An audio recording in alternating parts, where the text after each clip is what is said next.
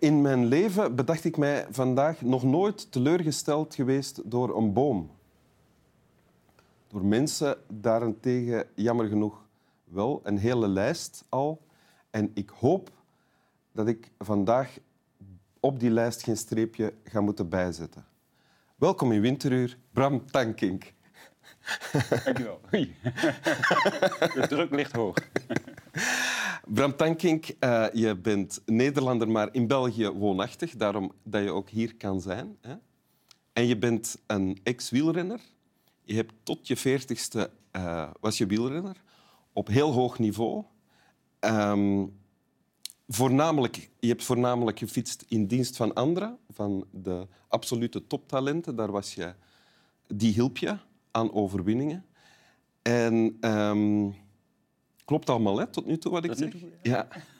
En uh, je straalde ook altijd, zowel op de fiets als nadien, in interviews, een enorm plezier uit in het leven van, in wielrenner zijn. Zowel het fietsen zelf als uh, in die koersen zitten, in die competitie zitten en beleven wat je beleeft en afzien en wat weet ik allemaal.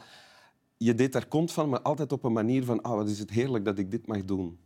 Klopt dat met jouw beleving? Ja, dat, ja absoluut. Ja, dat is ook gewoon zo. Kijk, als je, als, als je wielrenner mag zijn, ja. dan kun je eigenlijk alleen maar lachen. Ja. Want uh, ook al het afzien, hoe zwaar is het afzien, het fysieke afzien op een fiets nu eigenlijk in relatief gezien tot het leven. Ja. En, en, en daarom kun je alleen maar lachen. Ja. Als wielrenner zijn, vind ik. Ja. Want ik, en ik vond het prachtig om te doen. Maar nu ben je wielrenner af. En nu ben je, je bent auteur ook. Er is een boek verschenen van jouw hand. Hè? Dank. Ja. Dat was je bijnaam, denk ja. En je bent uh, bezig met de ontwikkeling van, uh, hoe heet het? Uh, recycleerbare materialen? Ja, ja. duurzame circulaire materialen. Ja. En met name polymere materialen, dus kunststoffen eigenlijk. Ja. Dus over nog een paar jaar dan gaan we allemaal rondrijden op fietsen van dat soort materialen. En daar zal jij dan ook je handje in hebben gehad. Hè? Hopelijk. Op de ontwikkeling. Ja, ja. Voilà. En je hebt een tekst bij. Wil je die voorlezen? Zeker, zeker. Als kind wilde hij, wilde hij haar genezen. Maar toen hij twaalf was, werd hij op een dag wakker en hij wist niet meer zeker of hij haar wilde genezen of doden. In die twijfel meende hij de liefde voor zijn zus te herkennen. Was het geen liefde als je niet meer zeker wist of je het object van liefde wilde laten verdwijnen of genezen?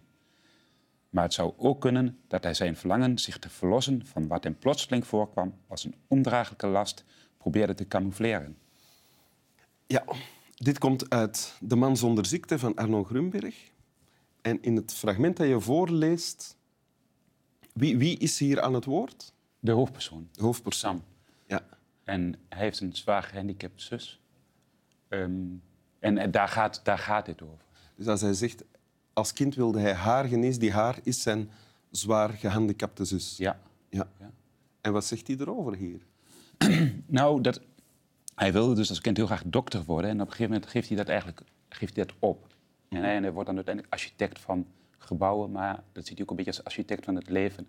En um, op het moment dat ik die tekst uh, las, uh, dat raakte mij zo verschrikkelijk. Um, en dus, dat is dat, omdat ik heb zelf een zwaar gehandicapte zus. Het, het, hij, hij, vertelt ook zijn vader overlijdt plotseling. Dus ik betrok dat meteen helemaal op mezelf. En ik kan mij nog, en precies, hij zegt, hij heeft het over de leeftijd van 12. Ik denk dat ik een jaar of 13 was. Dat ik ergens, um, ik had een krantenwijkje. En ik, um, ik kan me dat beeld nog heel goed herinneren. Dat ik met een, bezig ben om een krant door een brievenbus te, te duwen, ja? eigenlijk. Um, en en dat ik ineens moest huilen. En ik, omdat ik mijn zusje, eigenlijk, ik heb zelf een heel zwaar spastisch zusje. Ja. Um, zo ineens wilde ik, ik wilde eigenlijk dat ze er niet meer was.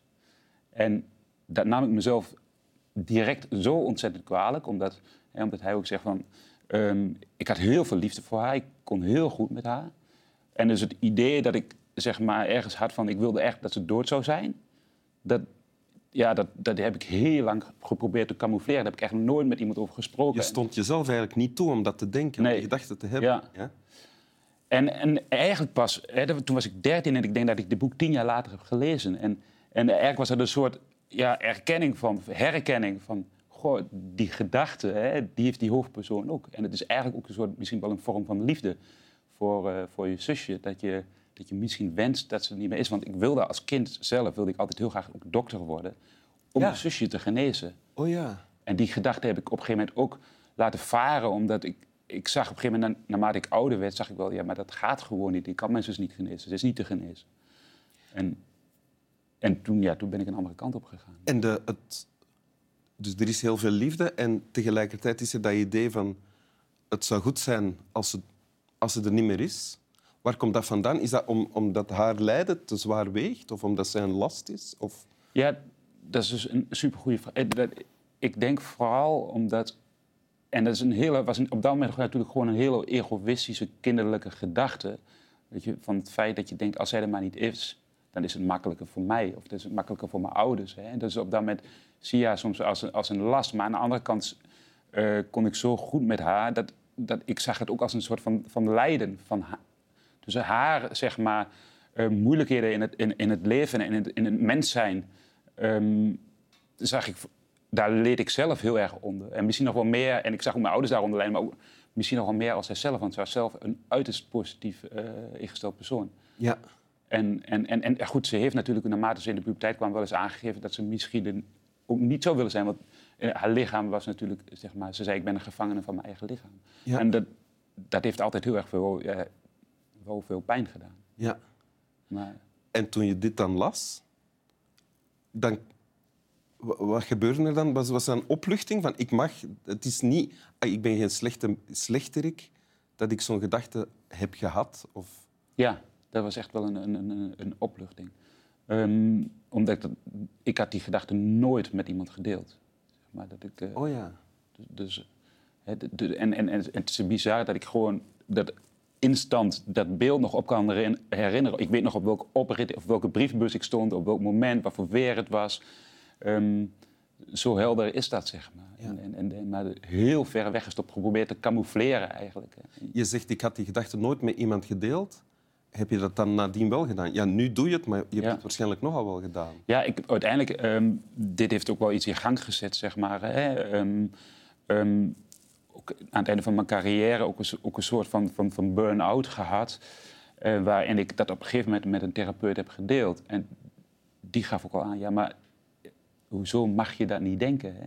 Ik had altijd het idee, dat mag je niet denken. Maar hoezo mag je dat niet denken? En, en, en, en, en, en mezelf daar altijd een beetje in weggestopt. Dus ik heb dat inderdaad gedeeld en dat heeft heel erg, heeft heel erg geholpen. En, en daarom wil ik het ook graag, zeg maar... Daarom heb Heb, ook heb je het dan ook gedeeld met, met je ouders en met je zus? Ehm, ja, uiteindelijk heb ik dus het boek Tank geschreven. Ja? Eh, voor een groot gedeelte ook dit stuk. Dit heb ik ook aangegeven. En het, het bi- bijzondere is dat ehm, ik had het geschreven en toen heb ik het eerst aan mijn moeder laten lezen. En mijn moeder vond het heel heftig om te lezen. Ehm, maar, maar wel begrijpelijk. Maar ze zei, ik ga dit niet voorlezen aan Annemiek, Annemiek mijn Mhm. zusje. En, want zij kan zelf niet, ze kan lezen, maar niet, niet vanuit een boek natuurlijk. Want ze kan haar handen niet gebruiken. Ja? En ehm, uiteindelijk heeft een, een vrijwillige het aan haar voorgelezen. Maar ook dit stuk. En, eh, het- want ik heb het haar niet, zo- niet verteld. Ik heb het gewoon in geschreven tekst heeft zij het dus voorgelezen gekregen. En, en zij stuurt me direct daarna een berichtje van... ehm, wat mooi dat je dat zo hebt opgeschreven. En ik heb mij als zusje altijd heel erg schuldig gevoeld naar jullie toe. Oh ja. Dat ik er was. Dus dat is... Ja, dat zijn... Is er dan lucht opgeklaard? Ja, Of, of zwaarte weggevallen?